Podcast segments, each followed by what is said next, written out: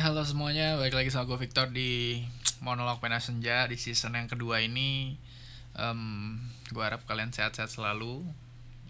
Uh, hari ini gak ada bintang tamu, uh, lagi delay. Ada salah satu teman gue yang bakal jadi bintang tamu, yang jadi tamu, sorry. Karena kita nggak bintang-bintang banget anyway. Uh, bukan bintang malah. Tapi uh, ya hari ini gue akan ngisi minggu ini seperti biasa balik lagi ke monolog. Um, hari-hari ini begitu banyak yang terjadi lumayan stressful. Um, menurut gue pribadi uh, banyak hal-hal yang lagi going on lagi pick-picknya gitu ya. Uh, overthinking lagi lagi mengambil alih. Tapi sekarang sekarang udah mulai mendingan. Gue harap kalian yang uh, overthinking ya bisa cepat keluar lah karena uh, baru di umur sekarang baru sekarang sekarang ini gue uh, finally understand kenapa uh, ada orang-orang yang merasa overthinking itu sangat-sangat berat gitu ya. Uh, sempat gue di masa-masa kayak gue ngerasa ah gue juga overthinking kok orangnya. Tapi ternyata waktu itu levelnya belum sebesar sekarang. Um, semakin banyak yang dipikirin yang yang bahkan nggak penting uh, Contohnya adalah kita mulai mengkhawatirkan hal-hal yang di luar kendali kita, sehingga kita rasa kok ini uh, segala sesuatu nggak bisa berubah gitu. Kita jadi mulai benci sama banyak hal, sama dunia, sama diri sendiri, sama uh, how things works, anything lah. Yang padahal kalau dipikir-pikir ya kita yang terbaik yang bisa kita lakuin adalah ya kita lakukan apa yang kita bisa gitu bukan kita expecting something dari luar dan serta merta menganggap uh, hidup itu susah karena orang kayak gini orang kayak gini. Karena that's just life. Itu cuman bagaimana hidup ini emang berjalan.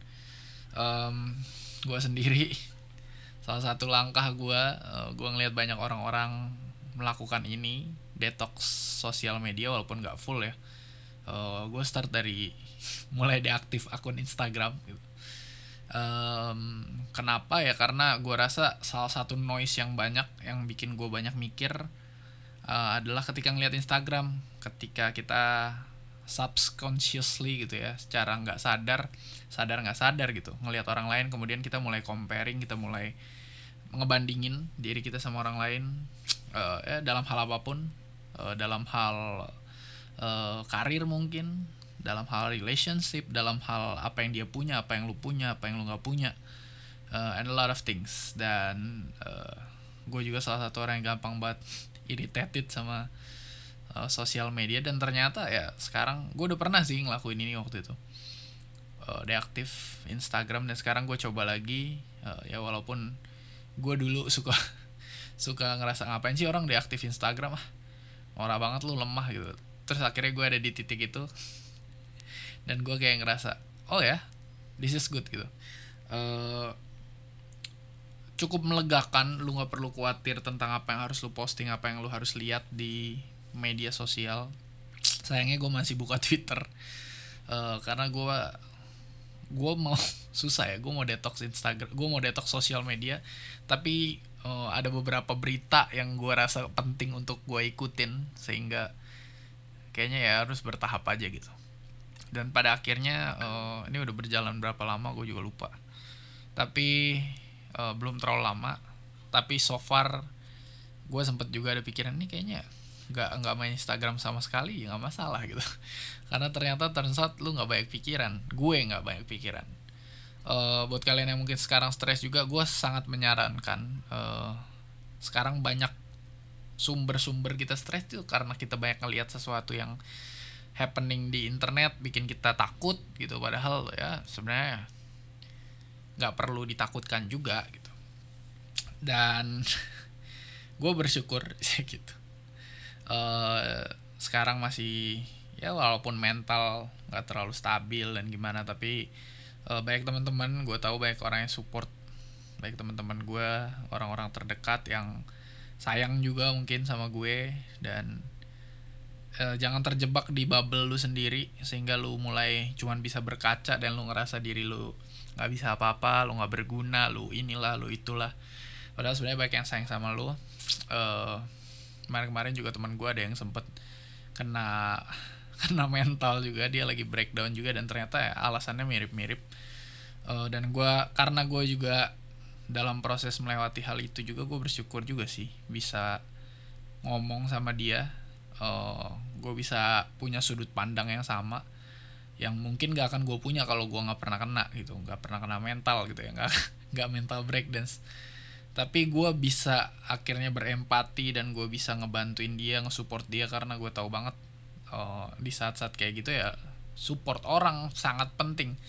Dan of course ya lu harus kembali ke kuasa yang maha esa tapi it's really important to have someone to be your support system. Sih. Gue sebenarnya agak-agak nggak suka tuh kayak support system gara-gara kebanyakan dipakai orang. Tapi it's a, it's a very good phrases gitu. Uh, kok phrases sih? Ya itu adalah sebuah uh, terminologi yang bagus support system. Karena ya ternyata pada akhirnya kita manusia tuh membutuhkan support system bukan cuma tumbuh-tumbuhan bukan cuma ya segala apa pun itu. Manusia mostly kita butuh support system. Betapa uh, eh, gue sadar hubungan antar manusia gue pernah anggap itu penting. Gue pernah juga di fase nganggap itu mulai nggak penting gitu. Dan sekarang gue kayak ngerasa oke okay, ternyata banyak banget hal yang terjadi di dunia ini yang uh, mungkin kelihatannya silly unlogical nggak nggak nggak kayak apaan sih gitu cringe. Tapi ternyata ya itulah hubungan antar manusia tuh ketika manusia dan manusia ketemu dengan segala perbedaan dengan segala persama persamaan uh, you can expect something uh, unpredictable dan kadang itu tuh sangat-sangat joyful menurut gue gue suka gitu. Kayak um, di masa-masa pandemi gini kita udah mulai susah socializing sama orang uh, ya ada tapi ada rasa takut kemudian kita nggak bisa uh, secara full gitu ya. Maksud gue ngobrol sama orang ya berekspresi tanpa masker gue rasa itu valuable banget sekarang gitu. Karena ya kalau lu ngelakuin itu sekarang gitu lu ngobrol lu nongkrong tanpa masker ya lu harus mengakui bahwa lu tuh melanggar sesuatu gitu melanggar protokol dan lu nggak bisa uh, beralasan apa pun untuk hal itu gitu. Ah gue enggak dia juga sehat kok. Enggak men. Tetap semua OTG sekarang covid lagi naik naiknya dan itu priceless gitu. Di di masa lalu betapa canda dan tawa yang dihabiskan bersama-sama tanpa pakai masker. Lu bisa ngelihat temen lu lu bisa ngelihat pacar lu bisa uh, lihat orang tua lu dengan senyuman dengan amarah langsung di wajah tanpa ada masker itu tuh sangat sangat mahal gitu di masa-masa sekarang. Dan dan menurut gue kenapa itu mahal dan itu worth untuk jadi mahal ya karena ekspresi itu nggak bisa gitu terjadi di uh, sembarangan aja. Maksudnya lu ketemu orang yang strangers dan kemudian ya lu mungkin bisa ngelihat dia senyum dan lain-lain tapi uh, efeknya nggak akan sebesar ketika lu menghabiskan waktu dengan orang-orang terdekat. Uh, karena itu penting banget. Jagalah sahabat-sahabat teman yang nggak punya temen carilah gila lu uh, lu mau hidup kayak gimana sampai tua? Sepi banget main nggak ada temen gitu. Lu ngandelin pacar lu doang juga lama-lama kan nyusahin. Semua orang butuh temen bantu lu develop itu soalnya. Kalau lu cuman akhirnya klingi klingi sama pacar lu lu nggak punya teman sendiri sumpah lu pasti nyusahin banget sih. Gue kalau punya punya pacar kayak gitu nyesel sih. Bukan nyesel ya kesel gue kayak ya lu cari juga lah temen. Maksudnya yang ngikut-ngikut gue sih nggak apa-apa tapi jangan terus-terusan dong karena gue juga butuh waktu untuk sama temen-temen gue cari men temen. Gampang kok nyari temen. Jangan sensi aja terima aja. Dan uh, ya ternyata itu juga semakin dibuktikan kayak uh, gue suka nonton dan ternyata salah satu hiburan terbaik memang nonton variety show. Gue nonton Running Man ngejar dari 2012 walaupun nggak full uh, dan uh, gue suka ngelihat uh, interaksi antar si pemain-pemainnya itu yang yang kadang unpredictable karena mereka unscripted setahu gue sehingga kadang-kadang kayak secara spontan mereka ngapain dan itu lucu gitu. Kayak itulah yang kayak pas di pandemi ini gue ngerasa wah ini nih ini yang banyak kita miss. Yang karena uh, momen gak ketemu itu gak ada atau ketemu pun secara terbatas ekspresi kita uh, harus dibatasi jadinya susah gitu untuk ngedapetin experience yang selepas itu. Dan gue seneng banget waktu nonton uh, ngelawak ngelawaknya berinteraksinya ada yang marah dan lain-lain. Uh, bikin happy bikin kita sadar bahwa kita tuh pada akhirnya ya manusia gitu. Kita adalah makhluk-makhluk dengan emotion dan gue sempet di sempat mikir kayak recent recent emotion kayak ya emosi nggak penting-penting banget lah yang penting isinya apa gitu yang penting lo message-nya apa. Tapi ternyata emotion adalah salah satu hal yang terpentingnya gitu. Uh, kayak lu ngomong sama orang kalau lu ditanya ya lo mendingan ketika ngomong sama orang mendingan cara penyampaiannya dengan segala emosinya atau yang penting pesannya. Gue sempat ada di fase kayak 80% isi pesannya sih. Orangnya mau ngasih taunya kayak gimana sih bodo amat ya. Yang penting kalau dia ngasih taunya sesuatu yang benar gitu maka lu harus pegang. Tapi makin ke sini gue kayak wah nggak bisa sih. Kita hidup tuh sebagai manusia gitu dan dan pola pikir tadi kayaknya pola pikir robot deh. Kayak maksudnya robot kan nyampein pesan bisa ya pakai kode bisa aja pakai nada bicara yang datar dan lain-lain. Tapi penting ketika uh, karena kita punya pilihan ya menurut gue kita punya pilihan untuk ngasih tahu dengan jutek ngasih tahu dengan uh, bisik-bisik kalau kita ngasih tahu dengan apa nada suara yang kayak gimana ternyata kita punya pilihan ya. Dan akhirnya gue sadar ya kita karena kita manusia we have that choice gitu.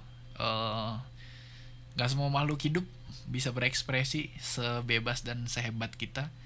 Kita bisa nangis kita bisa ngomel kita bisa ketawa di pilihan kita uh, dan kita punya intelijensi untuk mengerti emosi yang dilakukan juga oleh orang lain gitu. Jadinya connect gitu kan. Um, ya kayak kalau misalnya lu ngelihat buaya lagi marah buaya lagi sedih lu nggak selalu bisa ngelihat gitu kan. Karena beda spesiesnya dan intelijensi kita mungkin nggak bisa ngerti apa yang dia ekspresikan tapi kita sesama manusia kita punya kemampuan itu dan itu menurut gue hebat banget emang Tuhan tuh besar banget ya. Uh, berkah terbesar manusia. Uh, dan it's glad to be human with emotions uh, karena gue dulu juga sempet ngerasain masa-masa kayak udah mulai hambar aja uh, sakit hati kayak ya udah gitu kayak nggak nggak nggak gimana gimana banget malah kayak ya flat flat aja tapi kemudian rasa senang pun jadi rasanya sama-sama hambar. Jadi lu kayak heartless aja gitu emotionless kayak lu ya hehe ketawa gitu. Tapi sebenarnya di dalam kayak dead inside gitu.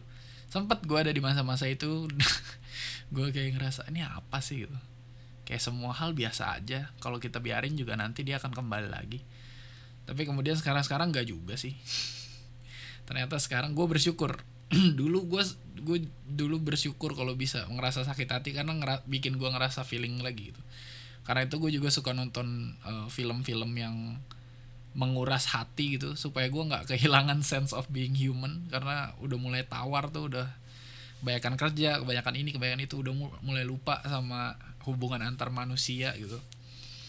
Dan akhirnya sekarang ya ngerasain lagi kayak uh, dan di masa-masa gini gue baru sadar bahwa ada sakit-sakit hati yang bisa tertunda ya.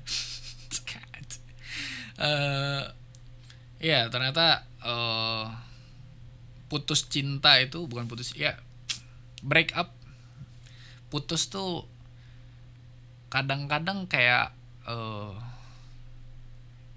lu tadinya nanam pohon tapi lu kayak mau udahan aja sama pohonnya. Jadi kayak uh, banyak dari kita yang oh udahan. Ya udah gitu. Terus kita pretend to be okay.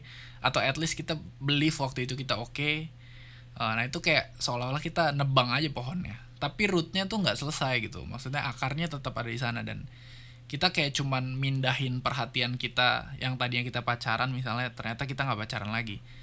Saat itu kita ngerasa oke okay. tapi ternyata karena untuk sebuah waktu yang sudah dijalani bersama-sama lu udah bareng-bareng lu udah bangun memories lu udah sharing good things lu sharing bad things ternyata rootnya masih sangat tertanam gitu masih ada akar-akar yang uh, di dalam diri lu gitu.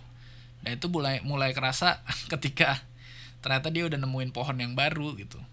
Dan akhirnya lu kayak wah kok dia bisa tumbuh di sana padahal masih ada akar di sini? Gitu.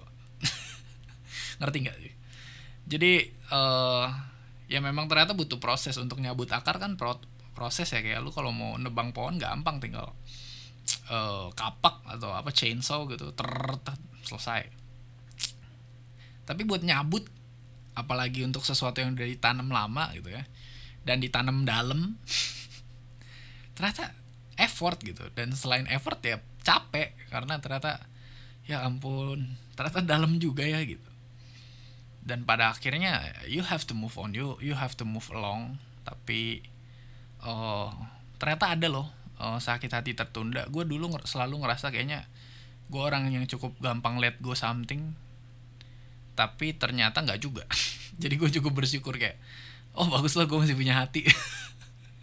Ternyata gue masih punya emotion gitu. Ternyata masih ada rasa galau. Gue sempet kayak orang orang-orang sok yang kayak ah galau buat orang cemen doang udah gede lah nggak usah galau. Ternyata enggak men. Di dalam sebuah uh, hubungan cinta uh, hubungan antar manusia apa pun uh, galau tuh bisa terjadi di umur lu berapapun gue yakin. Sama kayak halnya orang di umur 50-an yang bahkan misalnya yang satu udah janda yang satu udah bapak-bapak gitu. Tapi mereka bisa jatuh cinta kayak anak SMP dulu uh, cringe cringe dan sweet sweetnya dengan cara yang sama ya karena itu.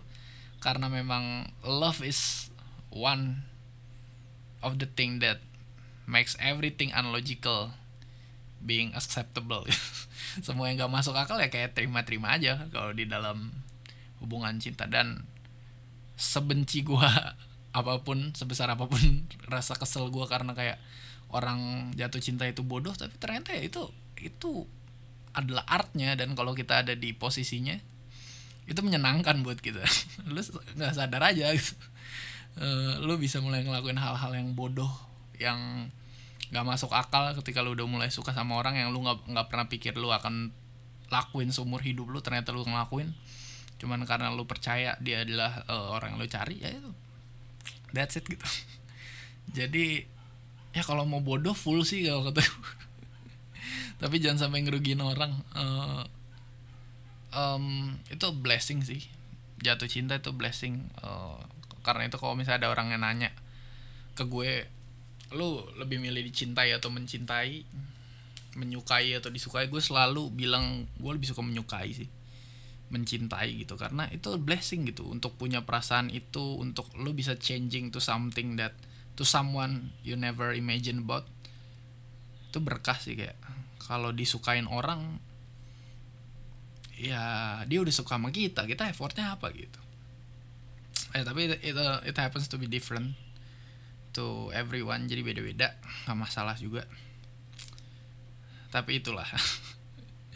Uh, saya sakit hati tertunda uh, nggak tahu juga akarnya sedalam apa atau kayak gimana. Tapi ya ternyata nggak peduli berapapun umur lu lu bisa sakit hati nggak nggak ada jaminan yang lu nggak akan sakit hati. Uh, eh, gue harus mulai belajar untuk menerima itu. Uh, ya ketika kita ngomongin emotions ketika kita ngomongin perasaan itu sangat-sangat kompleks banget. Uh, everyone build difference. Uh, kita nggak bisa matok seseorang harus gini harus gini. Um, especially when we're talking about emotion uh, eh, gue juga mulai berubah lagi. Gue mulai belajar banyak lagi. Apa yang dulu gue udah terlalu percaya ternyata ternyata sekarang kok changing gitu. Dan nggak apa-apa itu proses. Dan gue gue cuman harus belajar untuk menerimanya aja. Dan ya uh, hidup itu gue mulai belajar juga sekarang kayak ternyata di hidup itu ya ada prinsip-prinsip yang harus changing. Uh, ada hal-hal yang kita lihat mungkin tadinya kita pikir itu adalah udah yang udah begitu gitu ya. Tapi ternyata berubah gitu. Jadi gue kayak mulai oh begitu. Ternyata nggak semua hal tuh kalau udah A ya A. Ternyata di dalam prosesnya makin lu berumur atau makin dewasa atau uh, a lot of things change akan si A ini bisa berubah mungkin jadi A, uh, jadi A kuadrat atau A aksen atau bahkan berubah jadi B gitu dan belajar menerima itu sih. Uh, dan berhentilah untuk menjadi orang yang merasa harus tahu segalanya. Itu juga PR gue uh, kadang gue suka gue nggak tahu dengan kalian gue suka merasa gue pengen punya jawaban atas segalanya. Padahal ya nggak bisa lah. Cumi lu siapa? Uh, ada perasaan seneng karena kita ketika bisa menjawab sesuatu uh, ya kalau dari teman-teman kita oke. Okay. tapi kemudian itu kebawa sampai ke diri sendiri. Jadi pertarungan gue tuh overthinkingnya parah separah itu kayak kayak ada dua orang di kepala gue lagi berdebat uh, nanya ini kalau gini harusnya gini dong. Terus yang satu jawab tapi itu kan gini tapi kan gini tapi gila debat men. Di otak gue ada uh, lawyer sama jaksa lagi berdebat dan dua-duanya adalah gue orang yang gak mau kalah dan makin lama makin pusing gitu. Kayak malam-malam akhirnya belajar untuk, oi otak gak usah so tau gitu. diem silent gitu. Setel lagu nggak usah baik pikiran udah. Nggak usah so pinter nggak usah ngerasa lu harus tahu segalanya enggak lu bodoh udah selesai. Dan eh sejauh ini gue masih belajar dan itu lumayan menolong. Nggak usah lah ngapain sih jadi pinter-pinter? Nggak semua lu bisa jawab gitu. Lu harus bisa ya apa yang lu bisa aja. Try hard jangan terlalu hard tapi belajar lah dan ya itu struggle struggle gue uh, sekarang di lingkungan covid mulai ramai lagi. Gue nggak ngerti deh kenapa bisa kayak gini banyak banget orang. Dan sekarang makin deket circle-nya orang-orang terdekat gue uh, keluarganya ada yang udah kena sebelumnya tuh enggak sebelumnya masih lumayan jauh kalau udah ada banyak yang kena. Uh, teman-teman kuliah gue ada yang kena. Dan oh hariannya sekarang kemarin gue lihat sambil tertawa sedih gitu. Sehari 20 ribu kasus. Um, gue nggak tahu sih. Pertambahan kasus memang tidak menggambarkan seberapa bahayanya tapi itu ya bisa dikatakan seberapa banyak orang yang kena karena melanggar protokol dong ya kan walaupun ya mungkin yang survive banyak bla bla bla. Cuman kan itu menggambarkan bahwa banyak ignorant juga ternyata sekarang sekarang kayak yang kemarin udah mulai oke okay, kok sekarang jadi pada kambuh lagi? Gue juga nggak nggak ngerti. Mungkin uh, varian baru yang sebenarnya kita nggak tahu atau varian yang udah kita tahu sebenarnya tapi banyak orang yang nggak tahu. Jadinya dia ngerasa uh, kebal-kebal aja. Atau ya memang banyak orang yang masih yang udah mulai ini sih udah mulai apa namanya lelah. Tapi kan itu udah lama ya waktu lelahnya udah dari kapan tahu? Gue selelah lelah gue masih loh protokol gue masih sayang sama diri gue lu selelah apa sih sampai lu udah nggak peduli lagi kalau lu kena penyakit? Lebih parahnya lu bisa ngerugiin orang lain itu sih. Gue rasa nggak semua orang punya pemikiran itu. Punya pemikiran untuk, mikirin orang lain gitu lu nggak mau nyusahin orang gue bahkan punya rencana buat liburan Juli bulan depan yang udah sempat disiapin. Sebelum tiba-tiba kabar pandemi makin parah kayak sekarang gue juga udah mulai nggak ngerti. Gue udah dapet izin ya untuk pergi tapi gue yang jadi kayak takut sendiri gimana kalau gue nanti pulang? Atau gue waktu ke sana gue bawa virus ke orang-orang di sana gue egois banget gitu. Dan gue mendingan ya udahlah korbanin diri lagi. Maksudnya nggak usah liburan untuk ke tahun kesekian yang penting lu jangan menjadi orang yang nyusahin orang gue sih lebih milih itu gitu. Walaupun ya lu kena mental ya nggak apa-apa lah daripada lu nularin orang terus ada orang yang meninggal karena lo amit-amit banget. Uh, bangke emang. Uh, eh, gue kemarin lihat ada yang bikin gue ragu juga ada apa namanya influencer dia baru balik dari Bali terus dia upload upload story nggak lama itu sehari dua hari kalau nggak salah. Ternyata dia positif covid dia sesak nafas dan lain-lain. Terus kayak dia ngomong ya inilah kenapa kita harus stay safe ya guys. Maksud gue hmm, stay safe itu udah dikasih tau dari kapan? Kan lu liburan kampret. Lalu lu harusnya stay safe dong jangan lu sekarang udah kena baru ngomong ke kita. Lu yang kagak patuh gitu kayak bukan bukan porsi lu buat ngomong. Jangan lu yang ngomong dong lu kan kena lu yang gak taat. Jangan pas udah gak taat baru ngingetin kita dong. Sama aja ya gak sih? Aduh.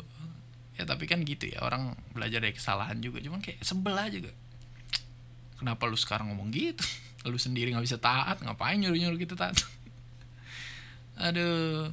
Dan kemudian story setelah setelahnya dia nge-endorse traveling ya jadi makin ya ampun kenapa sih orang tuh susah gitu jadi konsisten? Ngingetin orang stay stay safe gitu. Tapi ngepromoin liburan ya, ya, liburan bisa aman sih bisa. Tapi kan chance-nya jauh lebih besar dong daripada yang keluar rumah gitu. Lu lo habis kena dari liburan terus lu promoin traveling. Ya walau gue ngerti pasti dia udah nerima dealnya duluan sebelum dia kena covid. Jadi mau nggak mau harus diposting aduh gue jadi dia sih gue pasti bilang ini nggak bisa di pospon ya aku habis kena covid nih. Nanti kalau aku ngomong kayak gini pasti banyak orang yang hina-hina aku. Atau banyak orang yang bodoh juga jadi nggak sadar. Gue doang yang sadar. Eh uh, damn man. Uh, covid nih mau sampai kapan sih? Banyak hal yang direnggut. Banyak orang yang mencoba menghibur diri. Ya sepanjang covid banyak tau hal baik yang kita pelajari gue udah di fase udah banyak nih kita udah cukup nih belajar setahun men. Sekarang harusnya kita keluar gitu. Tapi covidnya nggak selesai selesai variannya makin banyak udah kayak citato. Di saat yang sama masih ada orang yang nggak percaya sama covid gue kayak udah berapa podcast ini gue ngomongin covid berapa kali? Saking kesel. Masih ada gitu orang-orang yang covid tuh konspirasi dan apa, -apa yang lain-lain. Sekonspir sekonspirasi konspirasi covid terbukti ada yang mati loh kayak lo nggak punya empati untuk menyadari hal itu gitu. Lo masih ada nggak tau lah. Gue lagi-lagi itu di luar kuasa gue jadi gue nggak mau gue nggak mau banyak berkomentar. Makin gue komentarin gue makin gak tahu apa-apa juga. Tapi buat kalian yang mendengarkan tolonglah uh, protokol stay safe. Jangan cuman jadiin masker gimmick doang di sosial media. Banyak malah yang gak jadiin gimmick sama sekali. Gue juga sebisa mungkin sampai sekarang ngejaga diri. Udah lam udah lumayan lama gue nggak keluar rumah. Sekali ya keluar rumah pun pakai protokol dan itu jarang banget. Dan gue sadar bahwa itu tetap membuat gue punya resiko. Tapi awareness kita rasa kita sadar dan kita taat dan kita tahu ada resiko yang bisa terjadi kalau kita ngelanggar itu yang harus kita punya. Dan jangan sampai ntar kita jadi jadi influencer yang tadi gue bilang udah kena baru ya makanya guys taat ya protokol. Allah telat. Taatnya sekarang pas belum kena taat. Bukan lu doang influencer udah banyak yang ngomongin covid dan lain-lain. Eh uh, anyway uh, gue harap kalian sehat-sehat selalu. Ini anjing gue berisik banget ya. Dan ya gue rasa itu aja sih. Uh, I'll see you in the next episode. Hopefully banyak teman-teman yang baru. Yang apa sih berisik banget? Yang bisa memberikan cerita-cerita baru juga. Dan I'll see you next time. Sorry. Dan makasih udah dengerin ocehan-ocehan gak jelas hari ini peace out